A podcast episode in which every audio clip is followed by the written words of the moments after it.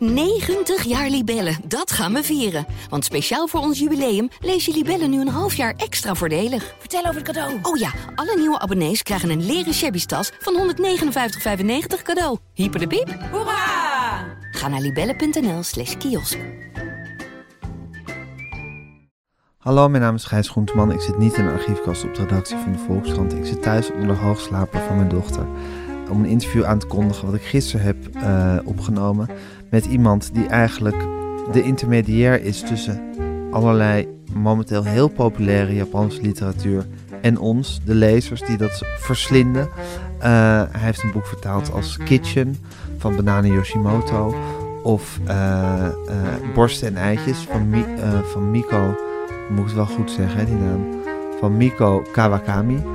Ehm, eh, dat is een prestatie. Hij heeft het heel goed vertaald en het is een prestatie. Want het Japans is een bizar ingewikkelde taal om te vertalen. Dat wil zeggen dat het zo erg niet op het Nederlands of op een, op een niet normale, maar op een westerse taal lijkt.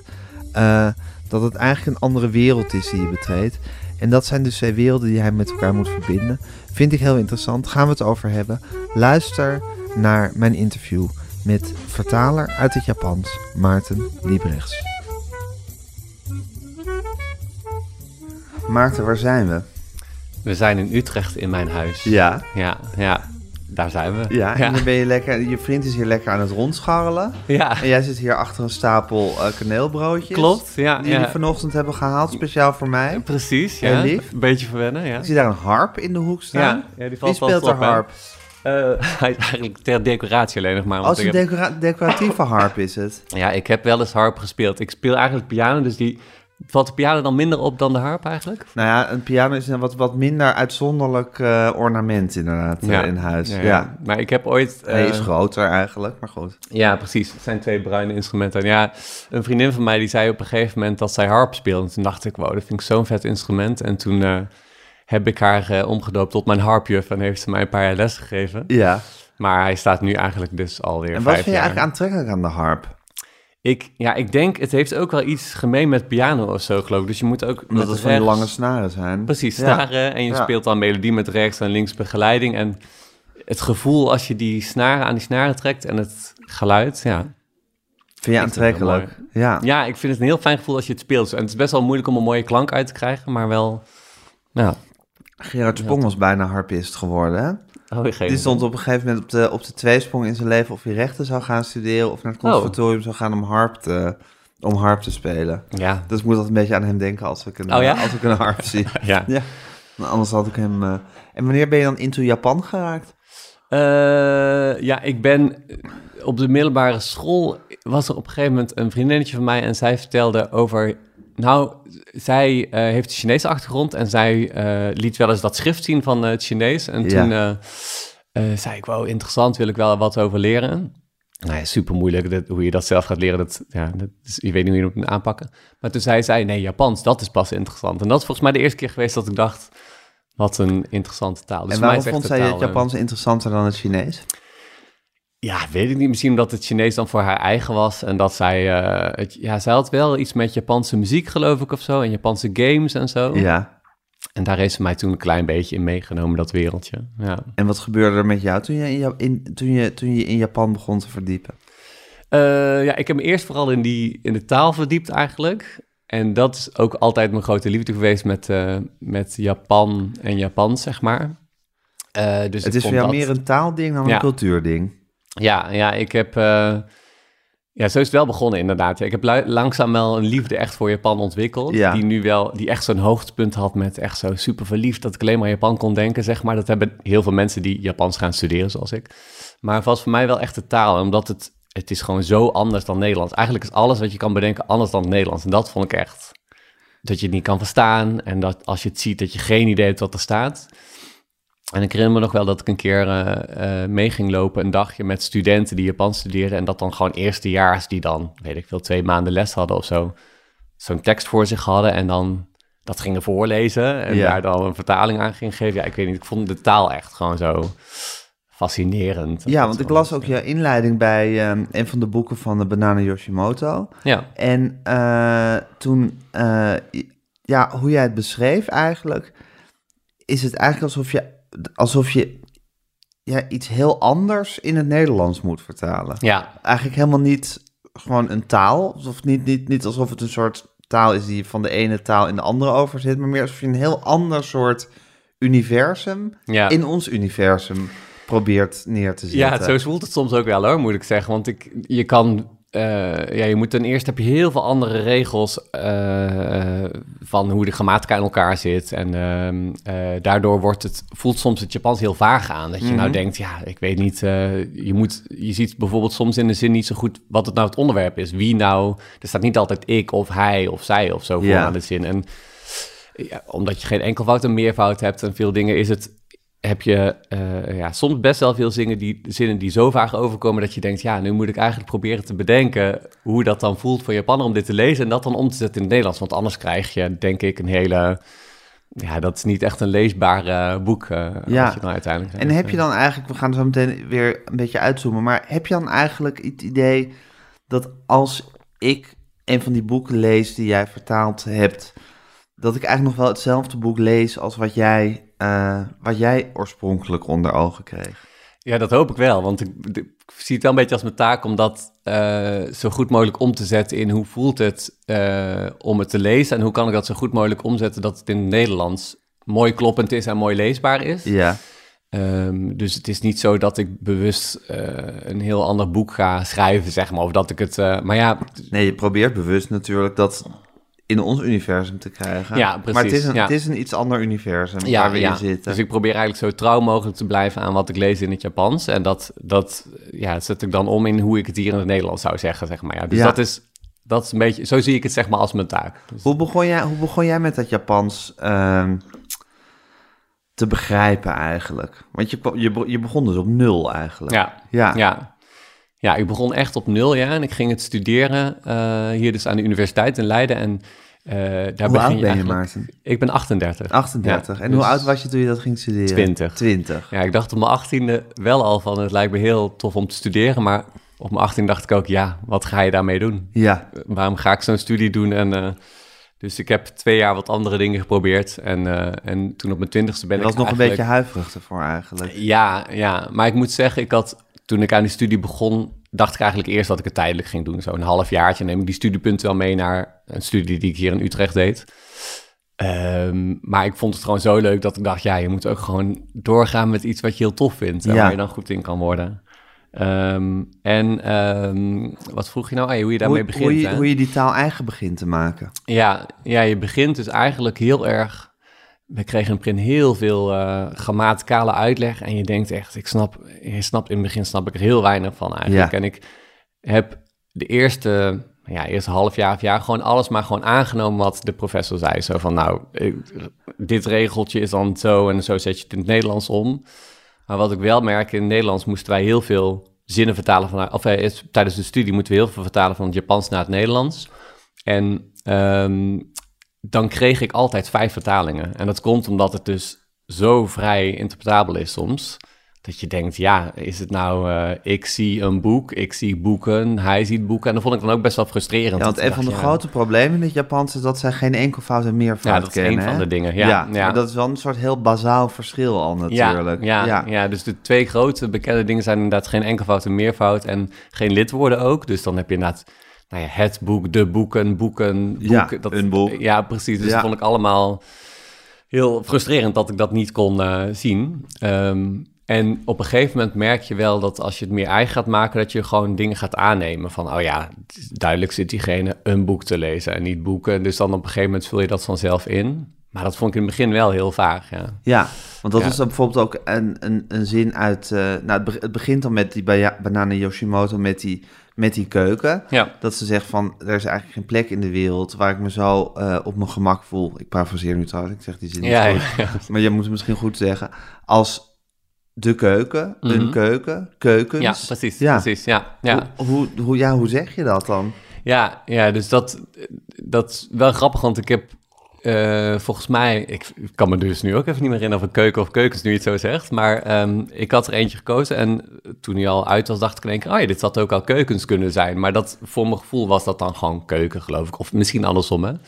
Eh, maar op diezelfde pagina staat op een gegeven moment een zin eh, dat zij zich naar de keuken verplaatst en dat ze uit het raam kijkt en een eenzame ster ziet schitteren. Ja. Maar dat kan dus ook eenzame sterren zijn. Ja, En ik weet nog dat ik bij die zin voor mijn gevoel al had gekozen voor volgens mij eh, meervoud. Omdat ik dacht, ja, heel veel sterren en die zijn dan eenzaam, want die staan ver van elkaar. Nee, daar kun je van alles voor invullen. En toen was ik eh, met een leerling, want ik geef ook les, eh, een beetje over dat boek aan het hebben. Toen zei ze, oh, ik zie eigenlijk gewoon zo één zo'n ster voor me. En toen dacht ik, oh ja, dat nu ga ik dat invullen, maar is dat wel zo? En bij, eh, bij Kitchen eh, van uh, Banana Ja. Yoshimoto zijn er al, is er al een eerdere eh, Nederlandse vertaling verschenen in 1993, geloof ik. Dus ik heb hem eigenlijk hervertaald. En ik had de Engelse vertaling ook in huis. En op zo'n moment dacht ik, oh, maar ik ga eens kijken wat zij... Wat de anderen doen. Precies. En Ja. als zij dan hetzelfde hebben, dat is een beetje mijn regel. Als zij allebei hetzelfde hebben wat ik heb bedacht, dan neem ik aan, oh ja, dat, dat kan ik gewoon doen. Maar in dit geval hadden, waren ze niet eens met elkaar, geloof ik. En eh, nu kon ik dus echt eh Banana Yoshimoto een, via een agentschap een eh, e-mail sturen. En toen heeft zij antwoord gegeven. En snapt zij het concept van enkelvoud of meervoud? Ja, het- wat het dus is, dat als een Japanner het boek leest, dat zij daar geen, eh, dat dat niet uitmaakt voor ze. Dus de Nee. ene zal het misschien zien als eens, ja, de andere als meerdere, of misschien zie je het niet eens voor je, maar zie je iets met sterren.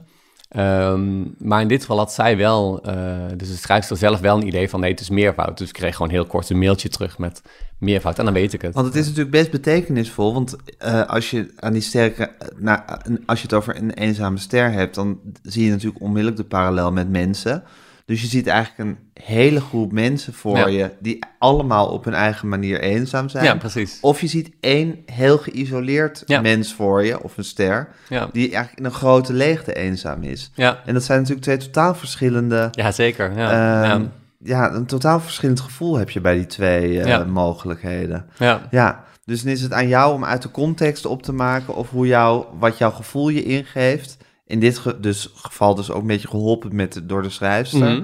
Hoe je dit, eh, hoe je dit probleem, eh, Ja. hoe je dit probleem oplost. Ja, en wat ik regelmatig doe is als ik echt twijfel over hoe iets bedoeld is. ehm, eh, nou ja, omdat dus het Japans soms zogezegd een vage taal kan zijn, dan Mhm. probeer ik eigenlijk eerst altijd Japanse vrienden eens een stuk te sturen van hey, hoe lees je dit? En dan eh een vriend daarvan kan ook eh, Engels, dus die probeert het dan in het Engels om te zetten. En eh, eigenlijk heb ik dan ook weer de regel, oh ja, als die hetzelfde interpreteert als ik interpreteer, dan vertrouw ik daarop. Ja. Maar dat, ja, bij het ene boek moet je dat meer doen, bij het andere, bij de ene is wat meer recht toe, recht aan en zie je.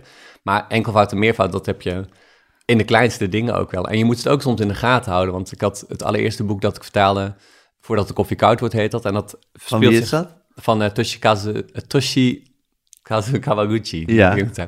Ehm, en ehm, daarin, dat speelt zich de hele tijd af in één cafeetje. En daar hangt een klok en daar is een, een dwarsbalk over het plafond, et cetera.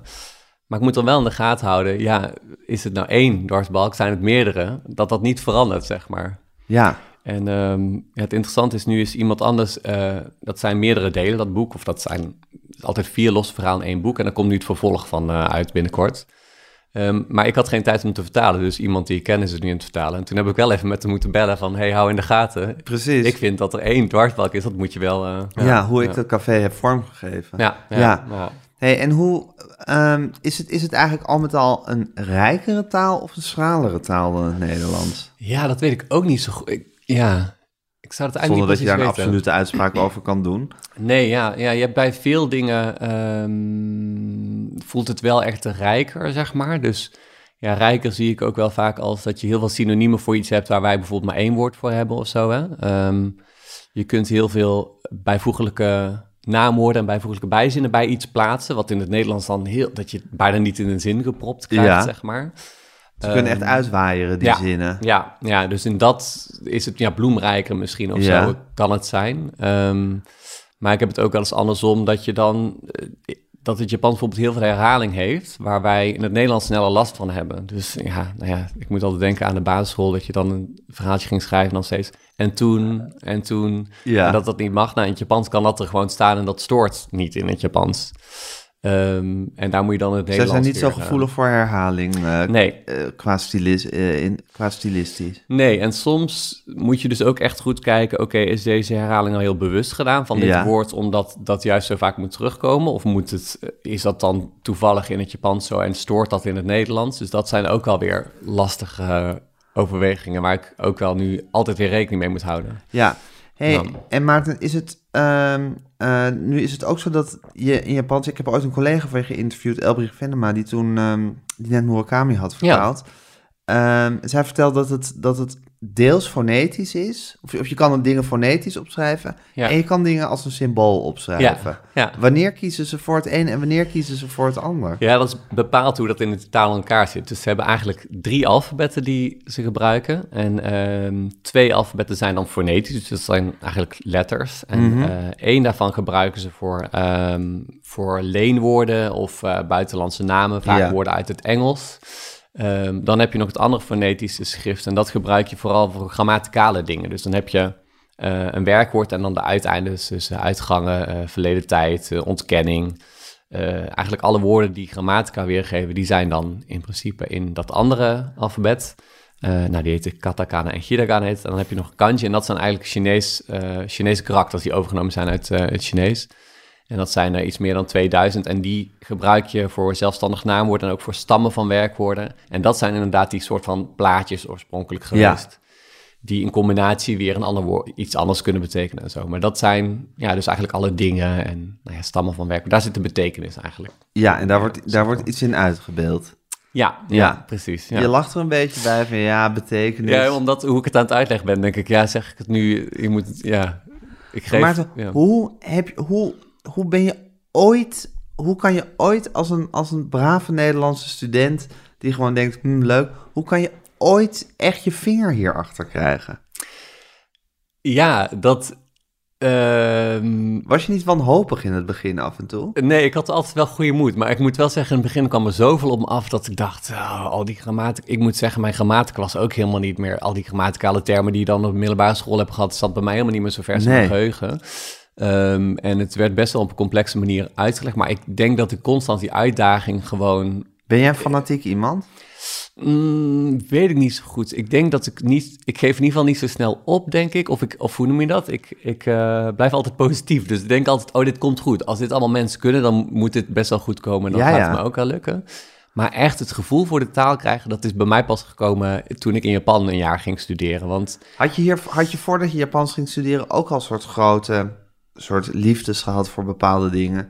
Dat je dacht, hier ga ik me instorten. De harp is het niet helemaal geworden, Ehm, Nee, geloof Nee, ik. nou ja, met piano dan misschien wel of zo. Nou, niet, niet extreem, nee. Ik ben niet zo'n type dat dan helemaal zo'n passie... Ja, ik hou er wel van, hoor, moet ik zeggen. Maar het is... ehm, ja, het Japans heb ik wel echt gehad dat je een soort van zo'n verliefdheid krijgt. En dat, je, dat ik eigenlijk de hele dag ermee bezig was. Dat Ja, want je ook- zei op een gegeven moment was ik, was ik een soort van verliefd en kon ik de hele dag aan niks anders meer denken. ja, dat komt Wanneer ook- kwam dat? Ja, dat is wel tijdens de studie al denk ik gekomen, omdat je daar ja, veel uren les hebt en eh, veel huiswerk moet maken. En ik vond het gewoon heel, ja, het voordeel is, ik hou heel erg van die, eh, die kanji, dus die, die, die symbolen leren, zeg maar. Dus ik zat dat dan de hele dag te oefenen. En ook als ik in de trein zat en het raam eh, was beslagen, dan ging ik daar zo opschrijven en zo. Dus ik vond dat toen, als ik nu op terugkijk, vind ik het dan best wel suf. Maar het is wel, ja, dat was wel echt, ik vond het heel gaaf om te leren.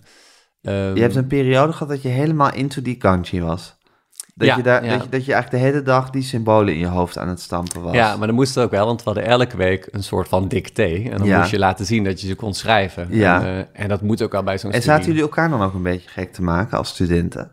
Ja, Hadden jullie veel contact met elkaar? Ja, ik woonde nog in Utrecht, dus ik ging gewoon naar Leiden. En ik had niet zo heel veel met mijn studiegenoten of eh, met Leiden, want ik was gewoon lekker hier al aan het settelen.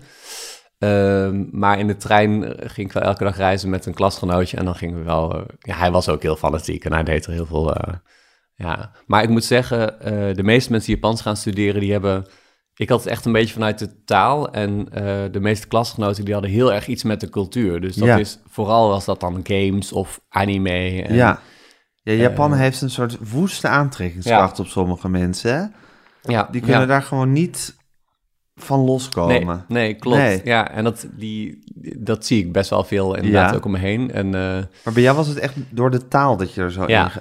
ja, ik heb dus niet zo heel veel met... eh, nou, ik gamede wel op middelbare school, maar toen ik student was, deed ik dat eigenlijk al niet echt meer. Nee. En Die, die, ja, anime heeft me nooit zo getrokken. Het, voor mij is het vooral de taal en daardoor heb ik de cultuur leren kennen. En de mensen, ik vind vooral leuk het, het, eh, hoe de mensen anders zijn en hoe, hoe wij anders communiceren in Nederland dan in Japan en zo. Dus voor mij is het vooral op die manier de samenleving, zeg maar. Ja, want eh, Japanners hebben natuurlijk een heel eigen cultuur en een eigen manier van met elkaar omgaan. Die natuurlijk wezenlijk anders is dan eh, hoe we het hier in het Westen eh, doen. Ehm, zit dat, is dat in die taal getrokken ook op een of andere manier? Of wordt dat misschien door die taal opgelegd ook een beetje? ja, ik, je ziet het in de taal in ieder geval wel terug, zeg maar. Ja. Hoe dan? Dus, de, ook het indirecte, dus ehm, ja, ik zit nu te denken, ehm, als ik lesgeef, dan moet ik daar vaak ook zelf om lachen dat ik denk, oh ja, dit zeggen wij heel anders. En dat is, ehm, eh, als je iemand uitnodigt bijvoorbeeld, dan zeg je niet van, oh, uh, wil je een kopje thee? Want aan iemand vragen of diegene iets wil, is best wel een directe vraag. Eigenlijk, wil jij dat? Ja, dat wil ik wel. Nou, in Nederlands is dat super normaal. Want je kan gewoon vooral zeggen wat je zelf wil. Ja, ik vraag me ook af hoe je het anders zou moeten vragen. Nou, ja, ja, je hebt me hier al gevraagd of ik koffie of thee wilde vanochtend. Ja, ja. ja, ja, In het Japans zou je dan zeggen, uh, drink je geen thee? Wat ik in het begin ook raar vond. Toen dacht ik, wat is nou de vraag? Maar ja, ik leerde al gelukkig in het begin van de studie. Dat betekent, heb je zin in een... Uh, dus het is uh, uh, ook vaak een direct van, kun je me helpen? Of je bent de weg kwijt en je vraagt, weet jij hoe ik daar en daar kom? Dan zeg je eigenlijk eerder, nou, het zit zo, ik uh, zou graag daarheen willen, maar puntje, puntje, puntje. Waar dus een... Maar de weg is mij niet helemaal duidelijk ja, en dat, op dit moment. ja. Ja, en, en dan hou je bij jezelf, hè? sta ik hier beetje om me heen te kijken. Ja, ja. En dan moet de ander daar eigenlijk maar uit opmaken van, dan zou ik misschien kunnen helpen. Ja, die moet inhaken. En, en wat er dus aan de hand is, dat eigenlijk in het Japans voelt die zin gewoon alsof je direct een vraag krijgt, kun je me helpen? Maar in het Nederlands denk je, eh, in het begin dacht ik vaak, ja, vraag het maar gewoon. Je kan het gewoon aan me vragen. Maar dat is de, de communicatie het voelt wat wij in het Nederlands heel normaal vinden en helemaal niet direct, is dan in het Japans best wel direct. En dan kan je als Japans persoon ook best wel van schrikken. Dat je denkt, je hoeft het niet zo duidelijk te zeggen, ik snap het wel. Ehm, en in het Nederlands frustreert het soms. Ik heb dat nu nog af en toe dat ik denk, ja, zeg nou gewoon wat je wil, want we kennen elkaar heel lang. Ja. ja, dat zijn wel interessante situaties vaak, ja. Ja, ja. Maar zo raakte je eigenlijk via die taal, uh, begon je ook een beetje te begrijpen hoe uh, hoe Japanners uh, zich tot elkaar verhielden eigenlijk. Ja, ja. ja en ik, eh, dat is wel echt in dat jaar gekomen dat ik daar heb gestudeerd. Want ja, wat me wel is bijgebleven is Waar dat studeerde je? In Nagasaki. Ja. En, uh, de universiteit hadden ze een speciale afdeling voor mensen die Japans aan het leren waren. Het was eigenlijk zo net zo'n hokje buiten de universiteit. Dat was ook heel grappig. Dus ze kwamen eigenlijk niet echt in contact met de Japanse studenten. Maar ik ging gewoon lekker uh, vier keer in de week de kroeg in, wat je doet, denk ik, als je in het buitenland studeert. Ja. En gewoon... maar je eh, werd eigenlijk een beetje weg, weggehouden bij het echte universitaire leven. Ja, want wij, wij deden niet mee aan een studie van die universiteit, maar dat was een aparte afdeling ja. uh, voor uitwisselingsstudenten. En waarom integreren ze dat dan niet allemaal? ja, dat, dat probeerden ze wel een beetje om, moet ik zeggen. Daar waren ze wel mee bezig, want we kregen dan per student dan één tutor, heette dat geloof ik, aangewezen. Ja. En dat was dan een student die het leuk vond om je een beetje wegwijs te maken. Um, en de kantine en zo was wel natuurlijk dezelfde kantine, dus daar. Maar ja, je, gaat, je zit niet met diegene in de klas. ja, ja. Dus dat, uh, het was toch een beetje een soort klein satellietje van de echte universiteit eigenlijk. Ja. Waar je, waar je, in, werd, uh, waar je in werd gestopt. Ja, klopt, ja. ja. Ja, dus als je echt uh, meer in contact wilde komen met andere studenten, dan moest je daar zelf wel iets voor doen. En hoe was dat jaar voor je in Japan? Oh. Ja, ik vond het fantastisch, maar ik denk dat een uitwisseling sowieso heel erg leuk is, omdat je gewoon lekker nou ja, in Japan kun je gewoon elke dag lekker buiten de deur gaan eten. Is helemaal niet zo duur. Mensen denken altijd dat het heel duur is, maar dat valt wel mee. Ja. En uh, nou, ik ging dus veel... zit je gewoon lekker met dat heerlijke eten vol te proppen de hele tijd. Ja, zeker. Ja. Ja, Wat je ook al ziet aan de foto's. Als ik nu terugkijk naar de foto's, na twee maanden was ik echt... Uh, ja. En ik word niet snel dik, maar ik was wel zo 10 kilo eraan volgens mij. Ja. Um, maar um, ja, dat. En ik vond het dus heel leuk om zo langzaam contact te krijgen met Japanners. Dus dat is een beetje wat mij is bijgebleven. Omdat ik, ik ging s'avonds gewoon de kroeg in en dan zat daar een groep Japanners. En die waren met z'n allen aan het feesten. En dacht ik, nou ga ik wel even vragen wat ze dan... En ik wilde mijn Japans natuurlijk oefenen. Want ik had in Nederland al twee jaar Japans gestudeerd. Maar het spreken, dat was wel echt moeilijk om dat dan te oefenen. Want we hadden dan één keer in de week of twee keer in de week kort een conversatieles met een grote groep. Uh, dus dat wilde ik vooral veel oefenen. Maar aan het einde van het jaar, toen, toen dacht ik zo van, nou ik heb wel allemaal mensen leren kennen en ik heb wel telefoonnummers en we gaan wel eens afspreken, maar zijn dit nou echt de vriendschappen? En dat vond ik toen aan het einde best wel lastig. Ik dacht, heb ik nou wel vrienden gemaakt? Maar ik gaf een afscheidsfeestje en toen kwamen al die mensen kwamen en die waren ook echt verdrietig dat ik wegging. Ja. Maar toen zag ik ook in, oh ja, wat wij in vriendschap noemen, is... ehm, ehm, ik heb bijvoorbeeld al het idee dat ik met jou nu al meer persoonlijke dingen aan het... Nou ja, wat je denkt dat is persoonlijk, maar Ja. persoonlijke dingen aan het bespreken ben... Dat ik met, dan ik met echt Japanse vrienden die ik al langer ken. Ja, ja. Want die Kan. omzichtigheid die dus ook in die taal zit. Dat Ja. je dus nooit vraagt van, wil je een kopje thee? Maar Drink jij geen thee? drink je Ja. geen thee? Ehm, dat zit eigenlijk ook in het hele contact. Dat, je altijd een soort, dat er altijd een soort sluis blijft eh, tussen, tussen jou en de ander. Ja, zo, zo voel ik dat wel. En ik denk dat dat... Dat zal lang niet altijd zo zijn hoor. Maar ik heb wel echt vrienden die ik al heel lang ken... en waar ik heel goed eh, contact mee heb... die ja, echt persoonlijke dingen vertellen. Dan merk ik nog wel dat dat best wel een drempel ook voor ze kan zijn. Mhm. En eh, dat het dan heel voorzichtig komt... dat ik denk, ja, nu komt maar zo'n klein stukje van het verhaal uit... wat je eigenlijk wil vertellen. Ehm, maar ja, dat is ook wel... In Nederland kunnen wij dat gewoon, denk ik... Tenminste, ik kan dat met mijn vrienden beter. Ik denk dat de meeste mensen in het algemeen in Nederlands... dat in Nederland wel wat makkelijker kunnen. En hoe ging het Japans spreken? Is dat weer een heel ander, eh, een ander verhaal? Eh, ja. Mm. Dat jaar dat ik er was, hè, bedoel je? Ja. niet voor het eerst? Ja. Ik, mijn sterke punt was dus tijdens mijn studie ook echt dat schrift en, het, en de grammatica en woordjes leren en vertalen vond ik dus heel erg leuk. En dat deden we vooral, vooral vanuit... het Omdat je eigenlijk bereid was om zonder vragen alles maar in je hoofd te stampen de hele tijd. Ja, precies. Ja. Ja, ja. ja. Als een soort machine zat je al die, al die regels eh heerlijk te dat, verwerken. Ja, ja, ja. Ja, vind je dat heerlijk? Ja, ik vond dat toen wel, Ja. wel echt een leuke uitdaging. Ja. Ja. Ja. het maakt me heel enthousiast ook wel, ja. Maar ja, wat je daarnaast natuurlijk hebt is... Nou, op de studie is eigenlijk de taal ook maar de helft. Want je moet ook nog... eh, je krijgt ook nog geschiedenis en economie, et cetera. Dat is niet zo mijn sterke punt. Ik ging gewoon lekker op die taal zitten. Ehm, maar je hebt ook natuurlijk nog de spreekvaardigheid en luistervaardigheid. En ik merkte bijvoorbeeld dat ik het auditieve heel lastig vond. Dus toen ik in Japan kwam, vond ik dat ook heel erg tegenvallen. Dat ik dacht, ja... Ik Wat heb zeggen die mensen in godsnaam ja, tegen me? Ja, twee jaar hard gestudeerd. Ik was echt zo hoge cijfers, altijd zo'n negen. Terwijl ik mezelf helemaal niet kende als, maar dit ging ik echt zo super hoge cijfers halen. En toen kwam ik daar en ik zat, ik weet nog wel, de eerste bus daar, waar ik in zat, er werd van omroep eh, gezegd, weet ik van de deuren gaan open zitten. Ik verstond het gewoon helemaal niet. En dat vond ik wel moeilijk. En zeker omdat ik, ik werd ingedeeld ook, we moesten een soort van toelatingsexamen doen om je niveau te bepalen. En ik werd in het hoogste niveau gezet, omdat ik dus heel goed was op papier. En toen was vervolgens die hele les in het Japans. En ik zat te zweten elke dag weer, omdat ik dacht, ik snap het gewoon niet. En ja, af en toe krijg je de beurt en nou Maarten, wat vind jij hiervan? En ik wist gewoon niet waar het over ging. Maar dat is toch wel een enorme reality check, hè? Zeker. Dat je dus zo hard aan het studeren bent, zo goed je best doet, zulke goede cijfers haalt en denkt dat je zo lekker bezig bent. Ja, En eigenlijk nog als een totale beginneling, als een klungel, ja, daar vervolgens in Japan blijkt dat je eigenlijk nog steeds niet ja. Snapt wat er precies om je Ja. heen gebeurt. Ja, ik vond dat toen wel echt. eh, en ik moet zeggen, ik had ook al een beetje perfectionisme in me. Dat ik, eh, juist omdat ik dacht, ik kan het heel goed. Als ik dan iets wilde zeggen, ging ik eerst helemaal nadenken hoe ik dan zo'n zin ging zeggen. Dus dan ben je eigenlijk een half minuut stil en dan ga je in je hoofd bedenken hoe je dat gaat zeggen. Eh, terwijl als je type bent en dat denkt, ja, ik roep gewoon wat woorden die je ken en dat komt wel over. Ja. Helpt eigenlijk wel in de communicatie natuurlijk, want dan maak je maar fouten. Ja, precies. Ehm, maar goed, Je moet ook gewoon durven gaan dan natuurlijk. Zeker, ja. Ja. Ja, en ik, ik vond dat best wel eng, maar ik heb dat wel elke dag weer gedaan. Ja, En het fijne is, in Nagasaki sprak eigenlijk bijna niemand eh, Engels, dus ik moest ook wel. ja. Ja, en dat is wel tof om dan elke dag te merken. dat is echt verplicht om erin te gaan. Ja. hey, en is het nou zo dat als je dan zo diep in die taal gaat en in die omgangsvormen, dat je zelf ook een beetje Japanner wordt? Werd je, zelf, werd je zelf ook wat omzichtiger in je hele wezen? Ja, volgens mij wel, ja. Ik heb dat pas gemerkt toen ehm, ik een keer in Japan was, volgens mij een paar jaar na die uitwisseling met een Nederlandse vriendin. En dat zij echt zo naar mij zat te kijken als ik met Japanners aan het praten was van, ah, je begint helemaal een beetje te buigen en te knikken. En ik had dat zelf niet zo door.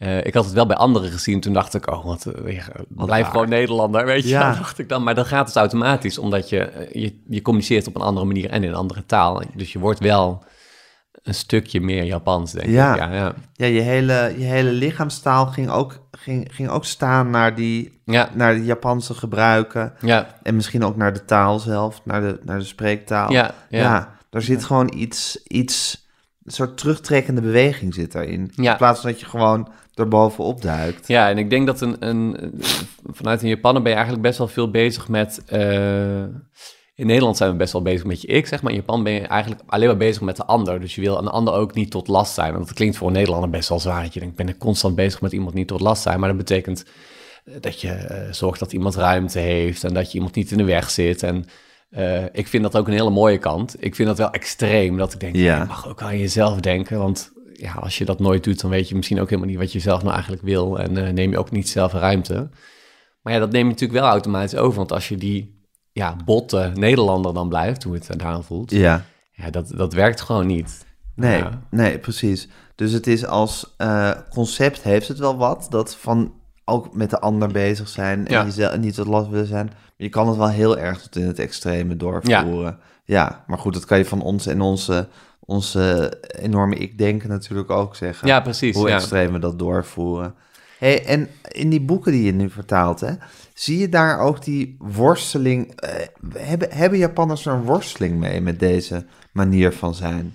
Ehm, ja, je komt in romans wel eens tegen, ja. Dus je hebt, eh, ehm, ik weet niet of ik nu een heel goed voorbeeld heb, maar je, je voelt daar af en toe wel in dat, eh, nou ja, ik heb mensen eh, gehoord die dan bijvoorbeeld Kitchen hebben gelezen Ja. en die dan zeggen, oh, het frustreert me wel dat ze niks uitspreken, bijvoorbeeld. En ehm, het grappige is, ik lees dat dan niet eens zo heel erg, omdat ik dat misschien al meer gewend ben of zo. Maar eh, de, de hoofdpersonages worstelen daar ook wel eens mee, ja. Omdat je, ja, je durft dus geen hulp te vragen en dan zie je eigenlijk van, dit wil ik eigenlijk zeggen of dit wil ik eigenlijk zelf gaan doen, maar ik doe het maar niet, want dan kan van alles. Ja, dus dat, dat kom je wel tegen, ja, zeker. Ja. ja. En die Japanse boeken zijn populair momenteel in Ja, Nederland. zeker, ja. Ehm, ehm, is het zo dat, eh, dat je denkt dat mensen ook aangetrokken worden tot die, eh, tot soort deze manier van denken en in het leven staan? In Nederland, dat Ja. ze die aan het lezen. Ja, Ja. ik vraag me af inderdaad. Het is nu wel echt, het valt me ook wel op dat er heel veel boeken vanuit Japan nu komen. En dat zijn eh, echt allerlei boeken eigenlijk wel. Ehm, je hebt natuurlijk ook wel dat, dat magisch realisme wat in heel veel van die boeken zit. Ja. Het is, eh, wat denk ik ook wel echt een groot publiek heeft. Dat echt zo'n Murakami natuurlijk eh, Ja. veel in zich heeft. Ehm, Waarin de wereld gewoon net een soort kwartslag gedraaid Ja. lijkt te zijn en alles gek is. Een Ja, precies. dat er een groen, groen maantje naast de maan staat. Ja, precies. Een groen ja. mossig maantje. Ja, ja. Ja. Ja, en ik moet zeggen, ik ben ook via Murakami echt in de Japanse literatuur zo'n beetje eh, gerold. Ik moet zeggen, als ik te veel Japanse literatuur lees, dan heb ik ook behoefte aan iets anders weer. Ja. Ehm, maar ik, ja, ik, ik, ik weet eigenlijk niet precies wat het is dat het zo... eh, volgens mij is Japan sowieso wel populair op dit Ja, moment. zeker. Ehm, maar er komt echt van alles, vooral hedendaagse eh, ja, nieuwe boeken. Die schrijvers ook waarvan ik denk nooit van gehoord, die komen één keer hierheen. Ja. Die komen deze kant op. Ja. Hey, en als je zegt van, dat vind ik ook aantrekkelijk aan de Japanse literatuur, maar als ik te veel Japanse literatuur heb, heb ik ook weer. Wat is een soort de grote gemene deler in de Japanse literatuur? Eh, ja. Goeie vraag, hè? Ja, dat is een hele goede Ja. vraag. Ja, ja, ik denk nooit zo heel goed na over, over wat nou één groot thema is. Zo. Nee, ik, Nee, je hebt in ieder geval wel een aantal van die boeken heel intensief moet, tot je moeten nemen. ja, ja, Ja. ja. ja. ik, heb, ik heb dus eigenlijk vooral heel veel Murakami in het begin gelezen. Ja.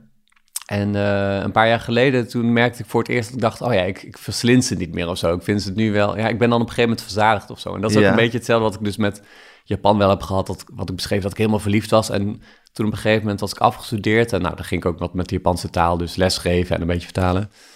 En eh, eh, dat ik ook al merk van, oh ja, er zijn nog andere dingen dus of zo. Dus ik denk dat ik ook, ja, als ik een boek van een schrijver, ook een Nederlandse schrijver lees, dan kan ik niet meteen drie boeken van diegene Nee. of zo. Maar ja, inderdaad, Japans. eh, ja, misschien heeft het voor mij dan ook wel het, dat het te veel Japans voor me wordt of zo. Dat ik te veel de link heb met, oh, ik ben voor mijn werk al heel veel met Japan bezig, wat ik superleuk vind. Maar ja, in mijn vrije tijd, om dan ook nog een Japans boek te gaan zitten lezen, dat ja, heb ik niet altijd zin in. Nee, ik denk dat precies. het is, ja. Maar die grote gemene deler, er zit soort iets, er zit een soort, ja, maar dat, goed, dat zit misschien in, in dat indirecte. Het is een beetje Ja. er een filter tussen, Ja. de, tussen, tussen, tussen de mensen en de wereld Ja. zit of zo. eh, ja. eh, als ik denk aan, aan, aan Japanse boeken. Ja, ik denk dat dat ook wel. Ja, ik weet niet. Ja, ik heb daar dus niet een supergoed antwoord op. Maar ik heb wel bijvoorbeeld. Mijn vriend heeft twee van mijn vertalingen gelezen. En die zei ook. eh, die snapte heel vaak niet. eh, dan lachen ze weer. Maar ik denk, ja, wat, wat valt er nu te lachen of zo? En ik denk dan, oh, dat is logisch, want dat is een soort van vriendelijkheid. Maar hij denkt, ja, maar dan moet er iets grappigs zijn om dan te kunnen lachen. En, eh, en inderdaad, van andere mensen hoor ik weer dat, dat nou ja, waar we het net over hadden, het indirecte of zo, dat Ja. dat heel vaak.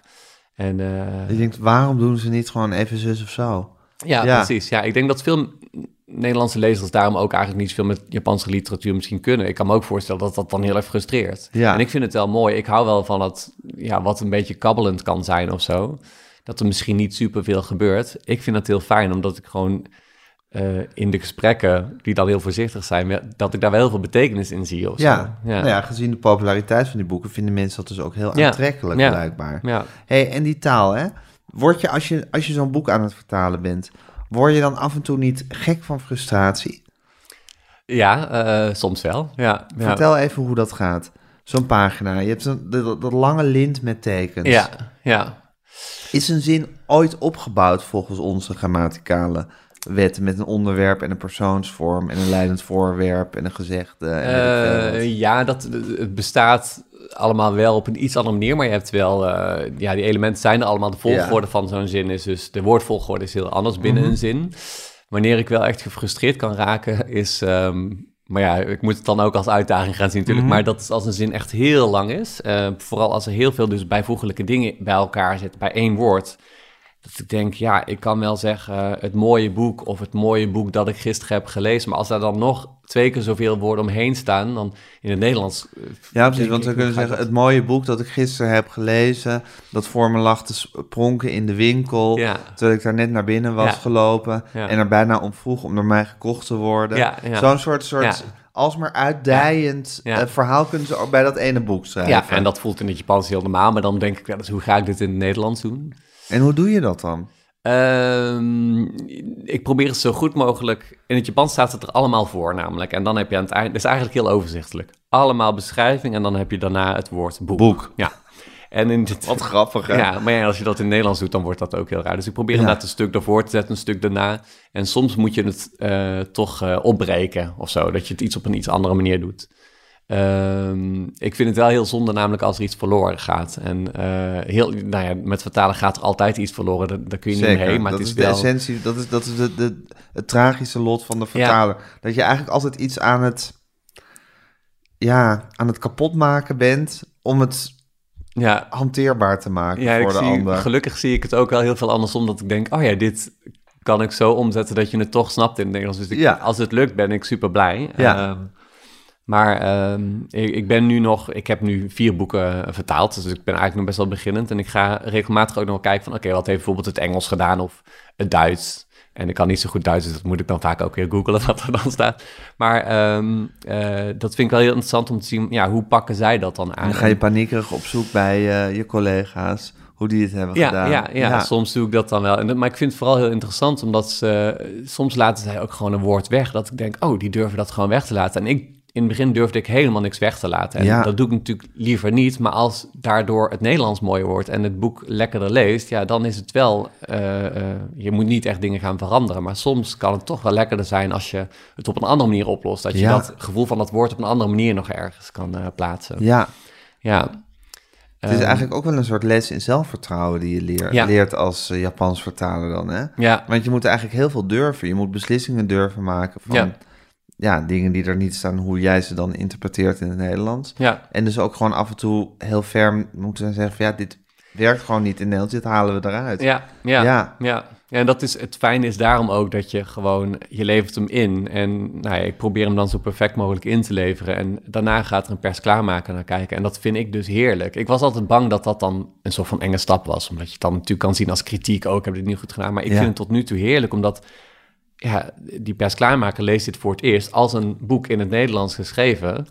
En dingen die hij of zij dan aanpast, dan denk ik, oh heerlijk, zo leest het nog veel beter. En ik word dan blij dat het dan nog beter wordt. Ja, maar dat gaat dan altijd inderdaad over gewoon eh, stilistische dingen Ja. in het Nederlands. En hier staat een herhaling. Ja. Of je kan met, beter met dat woord beginnen of weet ik veel wat. Ja, Maar eh, ja, enig benul van wat er in het Japans heeft Nee. staan, hebben ze Nee. natuurlijk ook niet. nee, Wat klopt. dat betreft ben je ook wel vrij, ja, zit je in de positie dat je gewoon je goddelijke gang ook wel een beetje Ja, kan ja, gaan. ja, en soms is er dus al een Engelse vertaling of zo, dat dan de persklaarmaker dat er wel naast houdt. En dat is ook wel interessant, want soms krijg ik dan zo'n opmerking van, hey, dit staat er in het Engels, hoe kan het dat dit bij jou er staat? En dan ga ik wel even twijfelen. Dan denk Ja. ik, oh, maar heb ik het dan wel goed gedaan? En dan, Ja, nou ja, ben dan- ik betrapt hier? Ja, precies. Ja. Ja. Ja. en gelukkig tot nu toe. Nou, het kan wel eens voorkomen dat ik, eh, Ehm, ja, ik heb wel eens bijvoorbeeld herfst getypt waar dan lente moest staan. Op de een of andere heb ik, manier heb ik dan een brain fart dat ik dan... Ik zie het staan, ik snap het, maar toch typ ik iets Ja. anders. Dat, ja, dat is natuurlijk gewoon een menselijke fout. Ehm, maar eh, ja, dan ben ik wel blij dat er toch wel Dat iemand het wel oplet. opgemerkt En- wordt. Ja, ja. Hey, en zijn er geen appgroep van andere eh, Japanse vertalers of mensen die de taal goed machtig zijn, waarin je dit met dit soort dingen met elkaar bespreekt? Dat je het in de groep gooit? Ja, ja ik eh, heb nog niet zo superveel contact met andere vertalers. Ik heb wel een paar vertalers die, waar ik af en toe mee afspreek en zo. En eh, gewoon dan hebben we het meer over algemene dingen. Maar ik heb eh, nu vooral een paar contacten die... En dat is eigenlijk wel heel leuk. Die van het Nederlands naar het Japans vertalen. En wij kunnen elkaar dat ook heel goed ook helpen. natuurlijk. Ja, precies. de avonden in het Japans vertalen. Nou, precies. Ja. Ja, ja, ja. Ehm, en eh, dat is eigenlijk heel fijn, want dan kun je elkaar heel erg helpen met... ja, wat staat er nou in het Japans, wat staat er in het Nederlands? En dat je echt elkaar met de brontekst helpt, zeg maar. En ehm, ja, andere vertalers die dus, net zoals ik van het Japans naar het Nederlands vertaal... die kan ik dan wel heel erg eh, gebruiken. En ik heb dat dus nog niet zo superveel gedaan, maar wel... eh, nou, ik moet zeggen, het eerste boek dat ik vertaalde, daar kreeg ik een mentor bij, Luc Verhouten. En die vertaalt al super lang. En welk vertaalt boek was dat? Eh, dus dat was voordat de koffie koud wordt. Ja. Ehm, en ehm, er bestaat zoiets als het expertisecentrum literair vertalen. Ik wist niet dat het bestond, maar eh, die hebben mij gekoppeld aan hem. En hij heeft eh 50 uur de tijd gekregen om mij te helpen met mijn vertaling. Dus ik kon hem dingen opsturen en hij heeft daar heel veel... En dat was echt super fijn, want dan... Die allereerste keer bleef ik dus veel te dicht bij het Japans bijvoorbeeld, waardoor voor mij daar een goede tekst stond. Maar omdat Ja. ik natuurlijk Japanse taal goed ken, eh, zag ik niet altijd dat het Hoe onleesbaar het was. Ja, precies, Ja. ja. En dat ik dacht, nou, hoezo onleesbaar? Wat zit je te zeuren? Dacht ik af en toe. Nee, maar hij had me helemaal heel goed geholpen. Eh, maar dat, dat was wel echt super. Als ik dat niet had gehad, dan, dan had ik echt niet vertrouwen in gehad dat ik het goed... Of misschien wel vertrouwen gehad, maar had ik niks goeds ingeleverd, ja, zeg maar. ja, ja. Ehm, en daarnaast probeer ik wel ook regelmatig andere vertalingen te lezen. Gewoon stukken in ieder geval. Dat je gewoon ziet van, oh, die andere vertaler pakt het zo aan. Dus dan durf ik het, want je hebt natuurlijk ook wel veel overlap in zinnen van een hele andere schrijver. Maar dat je in het Japans iets op een bepaalde manier zet en dat je denkt, ja, ik voel het wel, maar ik heb geen idee hoe ik dit zou zeggen. En dan kan ik toch af en toe wel spieken. Oh, dit hebben zij zo gedaan. Dus eh, ja. Ja. Nou. Is op een gegeven moment, want je bent, je bent in Japan geraakt via de taal. Is op een gegeven moment dat land ook, he- heb je dat ook in je hart gesloten? Of, Ja. heb, of heb je eigenlijk altijd afstand gevoeld tot Japan? Nee, ik heb het wel echt in mijn hart gesloten, ja. ja. Ik, ik, mensen vragen wel eens, zou je daar niet willen wonen? Dat denk ik niet, omdat het toch wel... Ja, ik voel me dan toch veel te Nederlander. Ik denk dat ik wel bepaalde dingen uit Nederland zou missen. En ik vind het in Nederland ook gewoon heel fijn, Ja. zeg maar. Ehm, maar ik merkte... Ik ben toevallig nu in december eh, een maandje in Japan geweest. En dat ik wel echt merkte dat ik me daar thuis voelde. Ik, ben niet, ik ging gewoon op één plek zitten. Ik moest namelijk een vertaling afmaken. Dus Ja. ik dacht, ik huur even een appartementje en Ja. ik ga daar hard aan de slag. En toen merkte ik wel echt, oh ja, ik voel me hier ook wel echt thuis. Dus dat was wel een bewijs voor En mij. hoe komt dat dan? Ehm, ja, ik vind het dus ook een hele prettige kant hebben. Dat mensen echt heel fijn met elkaar omgaan. En dat je dus inderdaad dat rekening houden met elkaar. En, en, en ehm, eh, ja, gewoon het zachtaardige. ehm, ja, wat is dat dan precies eigenlijk? Ja, het heeft iets heel prettigs, denk ik, daardoor. Ik denk, veel mensen die voor het eerst naar Japan gaan, naar Japan gaan op reis, die, die zeggen ook, het is zo'n prettig land. Alles is goed geregeld, iedereen is heel aardig. Dat is een beetje de standaard. Ja. Maar dat voel je ook wel echt, ook Ja, als, ja. Je, als je daar al langer eh, bent geweest, zeg maar. De... En je bent een beetje van dat omzichtige gaan houden. Ja, zeker. Ja. ja, ik kan dat wel echt waarderen ook, omdat ik denk dat wij dat ook wel missen soms. ehm. Ja, vind je dat niet heel erg hoe, hoe dat hier dan niet is? Mm, Nee, omdat ik het ook soms wel weer te extreem vind in Japan, zeg maar. Dus ik zit altijd, ik vind ergens een tussen een middenweg, zeg maar, ehm, eh, vind ik altijd het beste. Ehm, en ja, in Nederland mis ik dat wel eens, dat, ze dat, in, dat we dat niet iets meer in ons hebben of zo. Nou ja, in ons. Sommige mensen hebben het natuurlijk extreem ook wel in zich, maar... ja. Ja, het is ook maar hoe we zijn opgevoed allemaal natuurlijk. Zeker, Het is allemaal cultuur. Hey, en wat van, van welke van de boeken die je vertaald hebt, welke is je het liefst? Ehm, borsten en eitjes van Ja. eh, Miyako Kawakami. En eh, ik zat er nog even over na te denken waarom dat eigenlijk precies is. Maar dat was best wel een dik boek, 500 pagina's. Ja. Heb ik een jaar aan gewerkt. Tweede boek dat ik had vertaald. En dat was dus ook de eerste die ik zelf ging doen. Heel populair boek. Ja, ook wel een populair Ja. boek. Ja, dat is heel fijn. Maar ik vond, ik, ik heb heel erg. ehm, ik kan me heel goed in het boek inleveren. Het, uh, inleven. het gaat over een, een, vrouw. Ja, ik weet niet wat het is, maar ik, het, het, het uh, hoofdpersonage spreekt me heel erg aan. En de manier waarop... Uh, dat is met het hoofdpersonage aan de hand? Dat, dat ze je aanspreekt? Ja, ze is een... niet echt vergelijkbaar met wie ik, maar het is een vrouw van in het begin van het boek... ergens begin 30 en het einde 40. En... Ehm, zij, um, het grootste gedeelte van het boek gaat over haar kinderwens, of ze die al dan niet heeft en hoe ze dat gaat vormgeven, omdat zij geen partner heeft en dat is in Japan allemaal nog stuk ingewikkelder. Je kan niet zomaar een donor uh, vinden. En, uh, um, en uh, ja, vooral de, de andere karakters die zij tegenkomt en het contact daarmee en hoe ze daarop reageert. Ik vond dat zo mooi opgeschreven. Is het alleenstaande moederschap in Japan volstrekt niet gewenst? Ja, het is heel ingewikkeld. Ja, Japan is nog wel echt ingedeeld op um, en dat wordt allemaal wel wat vrijer hoor, moet ik zeggen. Maar uh, vroeger was het gewoon eigenlijk zo dat iedereen hetzelfde pad soort van hoort te doorlopen. Dus het betekent het liefst, uh, weet ik veel, op je 18 naar de universiteit studeren. Vier jaar lang, ook niet langer, want dan studeer je te lang en dan krijg je geen goede baan meer. En vroeger ging je dan voor de rest van je leven bij hetzelfde uh, bedrijf werken voor je dertigste getrouwd zijn. Want als je, ik heb ook nog wel vrienden meegemaakt die zeiden, oh, maar ik word volgend jaar dertig, dus ik moet snel iemand vinden. En dan hup, waren ze getrouwd en uh, kreeg ze een kind en zo, ja. zeg maar.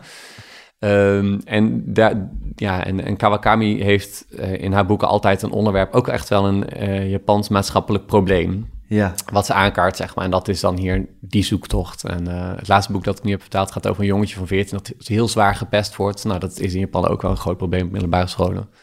En, en Kawakami kan het zo mooi Omdat er veel gepest wordt?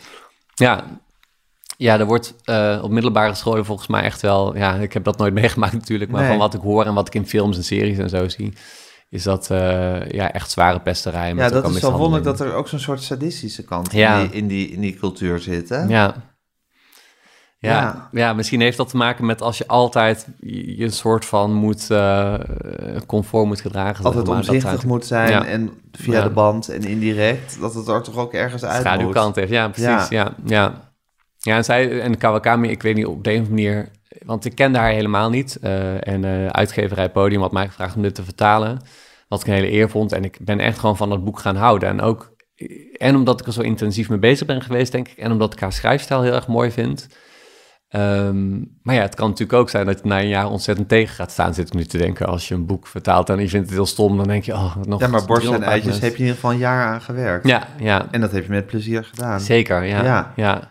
En zij worstelt dus wel met dit, met, met, met die Japanse uh, uh, regels die je worden opgelegd eigenlijk. Ja, dat komt wel in haar uh, romans. ja. ja. Heb je haar ontmoet? Nee. Zou je dat willen?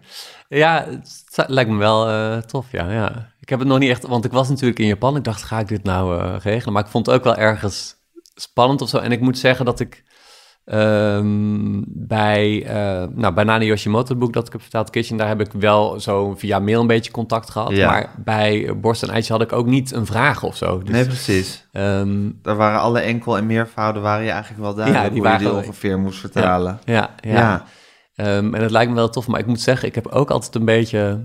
Nou, haar, haar ontmoeten lijkt me heel tof hoor. Maar ik heb ook wel eens dat ik dan een, een boek lees wat ik heel erg tof ben, uh, vind. En dat ik dan bang ben als ik de schrijver zal ontmoeten. Of een filmpje met een interview zien. Dat ik denk, oh, ik vind het helemaal geen sympathieke persoon. Ik wil dit eigenlijk helemaal niet ja, ja. Dat is best wel lastig hè, met de persoonlijkheid van de schrijver. Ja. ja. moet je daar te veel van willen weten. Ja, en ik denk dus liever niet. Want dan hou ik gewoon van dat boek en van de schrijfstijl. En, uh, Hoe is het om een jaar met zo'n boek te leven? Geleefd te hebben. Ja, toen, omdat dat voor mij was wel, uh, heeft het me heel veel stress opgeleverd ook, omdat ik uh, dus in mijn eentje dit voor het eerst ging doen zonder hulp en dat ook wel echt wilde, en, uh, maar, maar ook wel tegen, tegen veel moeilijkheden aanliep. Vooral het werken met een deadline vond ik bijvoorbeeld heel moeilijk, omdat ja, hiervoor werkte ik nooit met deadlines. Um, ja, dat je wel moed moet proberen te houden van oké, dit gaat wel goed komen, maar... Ja ja, je maakt een planning dat je denkt, oh, eerste versie heb ik dan af en dan ga ik het zo lang herschrijven en dan is het ongeveer goed, maar dat valt altijd tegen voor mij. Ja, ja. nou dat ligt misschien aan jezelf, maar Japans vertalen is misschien ook een beetje diepzee duiken. Ja, zo voelde het, het toen wel. Het is, het, is, het is wel een hele erge sprong in een, in een duister, diepe duistere zee die je gaat maken, ja. waar je weinig, uh, weinig haalvast uh, ja. uh, bij hebt. Ja. Ja. ja. Al die al die wonderlijke keuzes die je moet maken. Ja, ja. ja. vind je dat je af en toe... Kan je mensen ook af en toe context geven die er niet in staat? Ehm, ja, soms een heel klein beetje. Ik probeer het wel eens heel subtiel te doen, omdat je bijvoorbeeld, eh, omdat een woord geen vertaling heeft, dus een realia noem je, noem je die, en dat zijn dan eh, bijvoorbeeld ryokan is zo'n woord, en dat is een traditionele Japanse herberg eigenlijk. Ehm, Maar als er is je- eigenlijk geen, daar is, daar is geen equivalent voor in het Nederlands. Nee, nee. Dus bij zulke woorden kies ik er wel voor om het Japans gewoon te laten staan. Maar ja, als je dan ziet, ik overnachten in een ryokan, dan snap je al ongeveer wat het is. En dan hoeft het niet eens. Ja. Dan, laat je het Japans gewoon staan. Ehm, maar het is wel grappig, want ik heb daar ook eh, eh, tijdens de opleiding die ik heb gedaan, eh, literair vertalen, ook wel eens gehoord de manieren die er zijn dat je zegt, ik overnachtte in een ryokan, comma, een traditioneel Japans eh, hotel waar je Ja. lekker eten et cetera. Ja. En dat stoort natuurlijk, nou ja, het zou mij heel erg storen. Ja, Eh, of je legt, eh, je kunt een verklarende woordenlijst achterin maken. Nou, ik heb één keer gehad dat een uitgever dat ook al aangaf. van, Nou, dat kun je doen. Maar ehm, wat ik vooral heb gehoord is dat tegenwoordig mensen... Ja, of je leest er zo goed overheen dat je denkt... oh prima, ik denk dat ik ongeveer snap wat het is. Of Ja. je gaat het zelf googlen. ja. Maar wat ik zelf, als ik iets lees en er is een woordenlijst... ga ik toch elke keer in die woordenlijst kijken. Ook al zou ik het woord wel dat kennen. verstoort bijvoorbeeld. ook heel erg. Ja, ja. Ja. of voetnoot of zo zulke dingen. Ja. Maar heel af en toe doe ik wel eens iets. ehm, ja, in de laatste vertaling die ik heb gemaakt, bijvoorbeeld, ehm, roept een van de pestkoppen roept ehm kalpis, kalpis. En kalpis is een heel bekend drankje. Ken je het toevallig of niet? Nee. oh ja, dat is een soort van melkachtig eh, frisdrank. Ja. En dan vervolgens pakt eh, die pestkop een eh, glaasje met ehm, krijtwater of zo. Dus Ja. opgelast krijtje. Maar dat moet hij dan op gaan drinken. Maar als je alleen maar roept kalpis, kalpis, dan heb je natuurlijk geen idee wat dat is.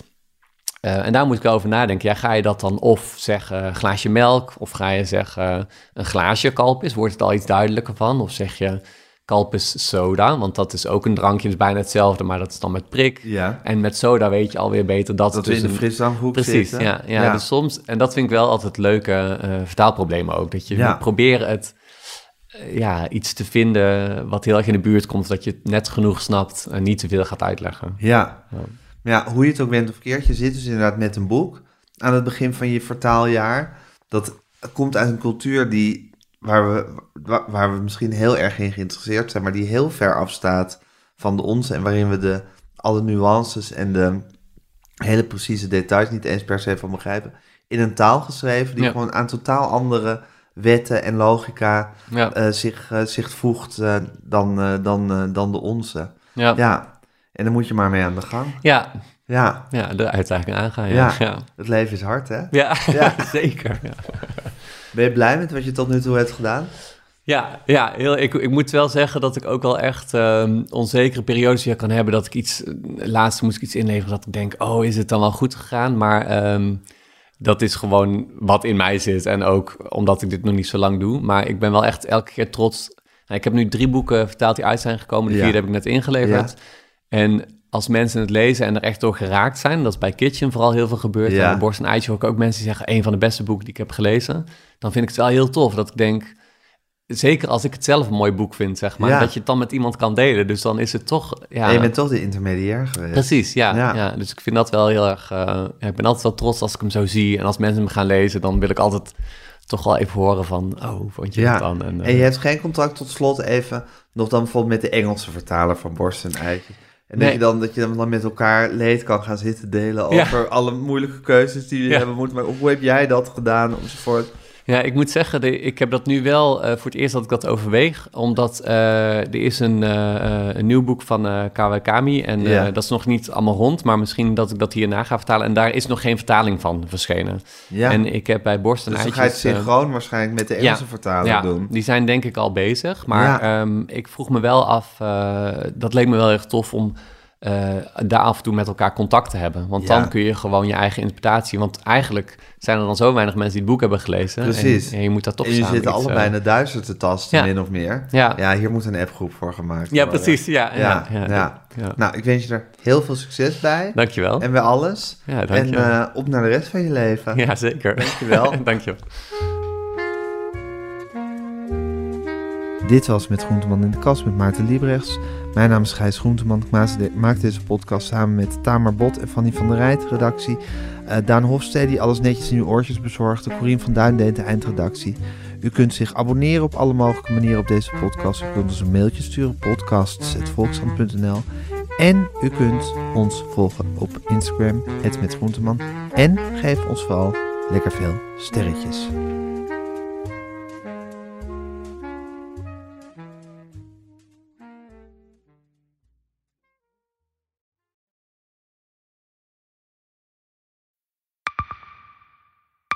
Zijn leven is overhoop gegooid. Plus dat heel veel mensen hem niet geloven. Vrienden niet, die, die denken, ja, hij is gewoon gek geworden. Hoe naar moet dat zijn? Als je vertelt over de meest indringende ervaring uit jouw leven en niemand gelooft dat je het echt hebt meegemaakt. Ja, ik vind zelf niet dat ik het verzonnen heb, maar sommige mensen denken dat wel. Maar hoe kom je erachter of jij je doelwit bent van een geheime dienst? Ik heb ook wel eens meegemaakt dat je het idee hebt dat inlichtingdiensten in je geïnteresseerd zijn. En dan kun je wel heel veel zien, wat er misschien helemaal niet is. Als ik s'avonds nog iets ging eten, dan volgden die mensen mee naar het restaurant. En dan terug van het restaurant naar het hotel. Als zij op een gegeven moment zei, kijk maar uit, want anders word je dadelijk nog wat voert ook. Shit, ik moet hier weg. Dat is, dat is niet goed.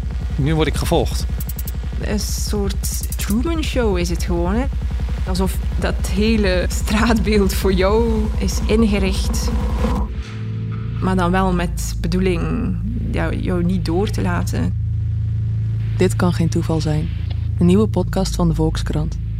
Mijn naam is Simone Eleveld en samen met Huid Modderkolk ontrafel ik een bizarre operatie van de geheime dienst. Wat het doel ook is, jij verliest het. Ik werd opgepakt, heel lang ondervraagd. Maar hoe krijg je grip in een wereld die zo onderzichtig is? Als je zou liegen, dan zou je niet de meest relevante informatie twee jaar later tussen neus en lippen doorvertellen. Er zal nooit iemand zeggen: Oké, Bart, ik geloof je. Nooit, nooit. Dit kan geen toeval zijn. Vanaf 3 oktober bij de Volkskrant. Ik weet niet of ik ook alles kan vertellen. Het is echt te bizar. Wat? Um, ja. 90 jaar Libellen, dat gaan we vieren. Want speciaal voor ons jubileum lees je Libellen nu een half jaar extra voordelig. Vertel over het cadeau. Oh ja, alle nieuwe abonnees krijgen een leren shabby tas van 159,95 cadeau. Hyper de piep. Hoera! Ga naar libellen.nl slash kiosk.